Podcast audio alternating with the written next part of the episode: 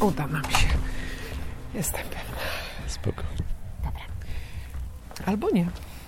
Nie wiem.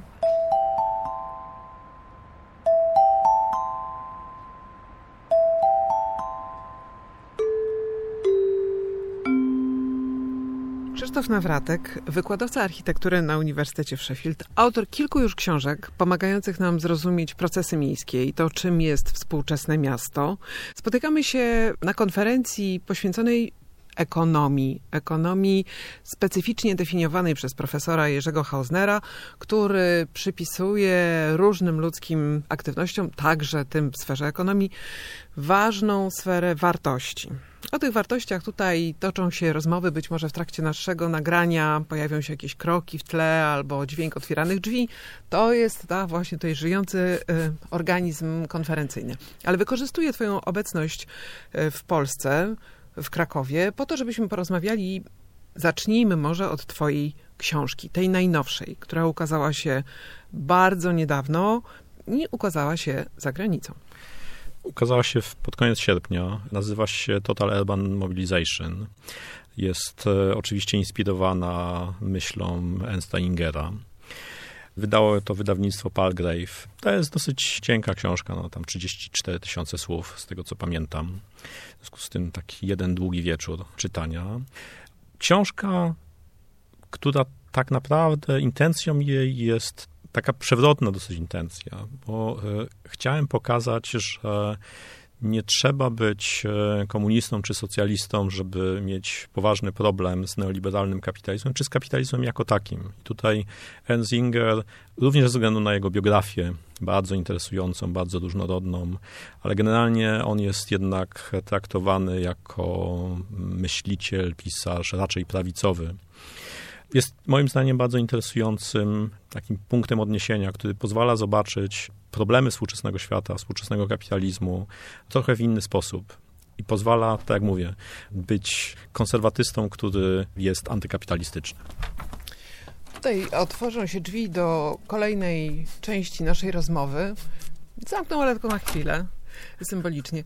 Mianowicie tutaj podczas tej konferencji występował dzisiaj profesor Zielonka z Uniwersytetu w Oksfordzie, który bardzo podkreślał wagę, znaczenie miast w dzisiejszej sieci partnerstw i współpracy na poziomie globalnym. Pokazywał im, do czego dzisiaj potrzebne są nam państwa, a do czego dużo bardziej przydałyby nam się, czy byłyby wydolne w projektowaniu lepszej przyszłości, właśnie współprace ustawione na poziomie miast.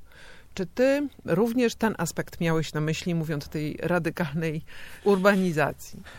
Znaczy, to się dzieje, to znaczy to dosyć zna, znana teza, że w tej chwili jest ponad 50% ludzi mieszka w miastach i ten, ten procent e, drastycznie, drastycznie rośnie.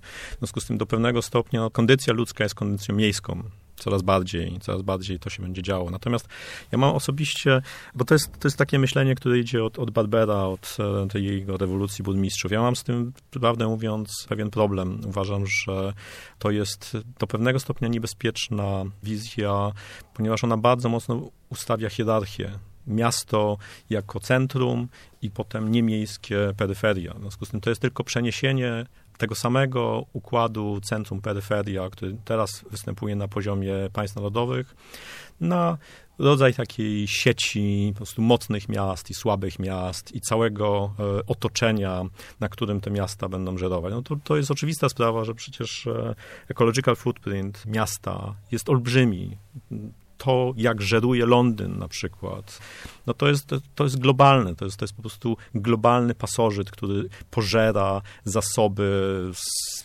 Brazylii, Chin, Indii, Konga.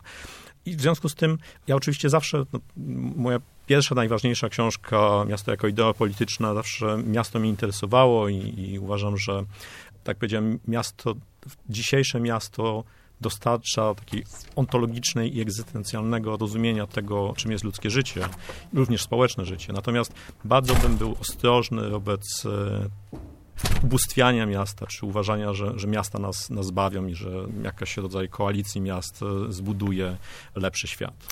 Tutaj chyba raczej chodziło o taką właśnie klasyczną wydolność, czyli że miasta są w stanie wyprodukować takie jakości, których państwa, państwa narodowe zwłaszcza nie są w stanie nam zapewnić. Dużo bardziej optymistyczna wizja y, niż to, o czym mówisz, ale masz oczywiście do niej prawo, ponieważ dogłębnie znasz funkcjonowanie miast i poznajesz je nie tylko w tym wymiarze europejskim, tej bezpiecznej, starej Europy, ale też masz taką perspektywę dużo szerszą. Podróżujesz, bywasz na różnych kontynentach i co ta wiedza, co ta wiedza ci daje? To pesymizm właśnie? Znaczy, ja jestem e, generalnie pesymistyczny z natury, taki ontologiczny pesymizm. Natomiast no, korupcję widzisz wszędzie i, i korupcję na poziomie miast, e, ona jest niezwykle brutalna, niezwykle, niezwykle bolesna, niezwykle niebezpieczna. W związku z tym właśnie to jest ta perspektywa, która powoduje, że moja wiara czy optymizm to, że, że miasta będą motorem zmian, jest trochę z zastrzeżeniami. Natomiast z drugiej strony, oczywiście, po pierwsze, tak jak powiedziałem, miasta rosną, ilość ludzi, którzy mieszka w miastach rośnie, w związku z tym tak czy inaczej tego się nie da rozerwać, że przyszłość świata jest przyszłością miast. A z drugiej strony jest rzeczywiście coś takiego, co wyznacza dynamikę polityczną w mieście, która jest inna niż dynamika polityczna na poziomie państwa narodowego. Że to jest jednak akceptacja wielu narracji. Na poziomie miasta jest trudniej budować nacjonalistyczne narracje wyłączające, po prostu dlatego, że widać tą inkluzję, widać pluralizm, widać różnorodność miasta i to po prostu buduje trochę inny sposób myślenia o polityce, taki bardziej dialogiczny niż, niż poziom państwa narodowego. Zanim łączyłam mikrofon, mówiłeś mi o współpracy, którą nawiązaliście jako uniwersytet z Malezją i Brazylią. Co to za trójkąt? Znaczy, mówisz o projekcie, który zasadzie on się jeszcze na dobre nie zaczął, jak dopiero się rozkręcamy. Dotyczy religii i wiary w przestrzeni miejskiej.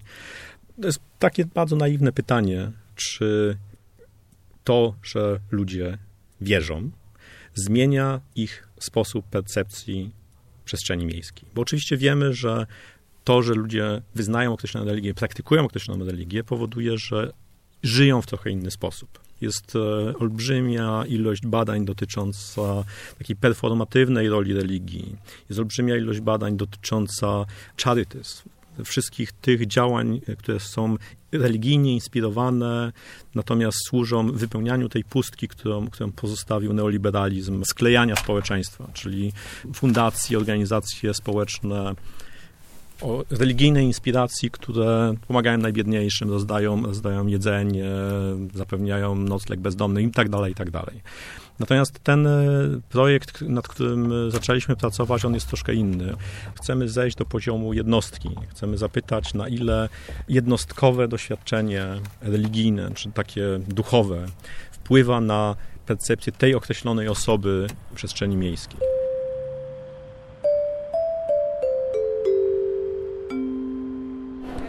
Musieliśmy się przenieść ze względu na to, że to ożywione życie konferencyjne wypchnęło nas ze strefy komfortu i zaczęło się życie, ożywione życie już po porannej części wykładów i wydarzeń.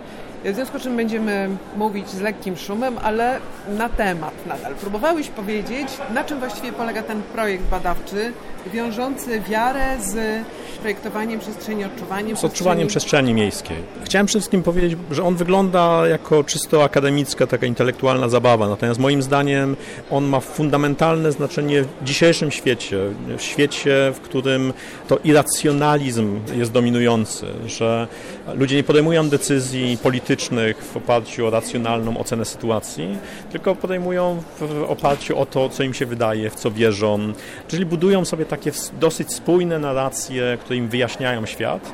I to jest tak naprawdę mechanizm czysto religijny. Ja tutaj wracam, w, jeśli chodzi o taką podkładkę teoretyczną, do, do absolutnych fundamentów, do Rudolfa Otto i jego doświadczenia świętości, gdzie on zdefiniował impuls religijny, czy fundament religijny jako, jako kontakt z absolutnie obcym, absolutnie innym. Ten, ten irracjonalny element religii on zawsze istnieje i, i dlatego te badania, które, które w tej chwili robimy, one mają taki dokładnie podtekst, znaczy one e, dotyczą wiary, przynależności do różnych religii, ale podtekstem tego jest próba zrozumienia tego irracjonalnego elementu funkcjonowania ludzi, ludzi w przestrzeni miejskiej.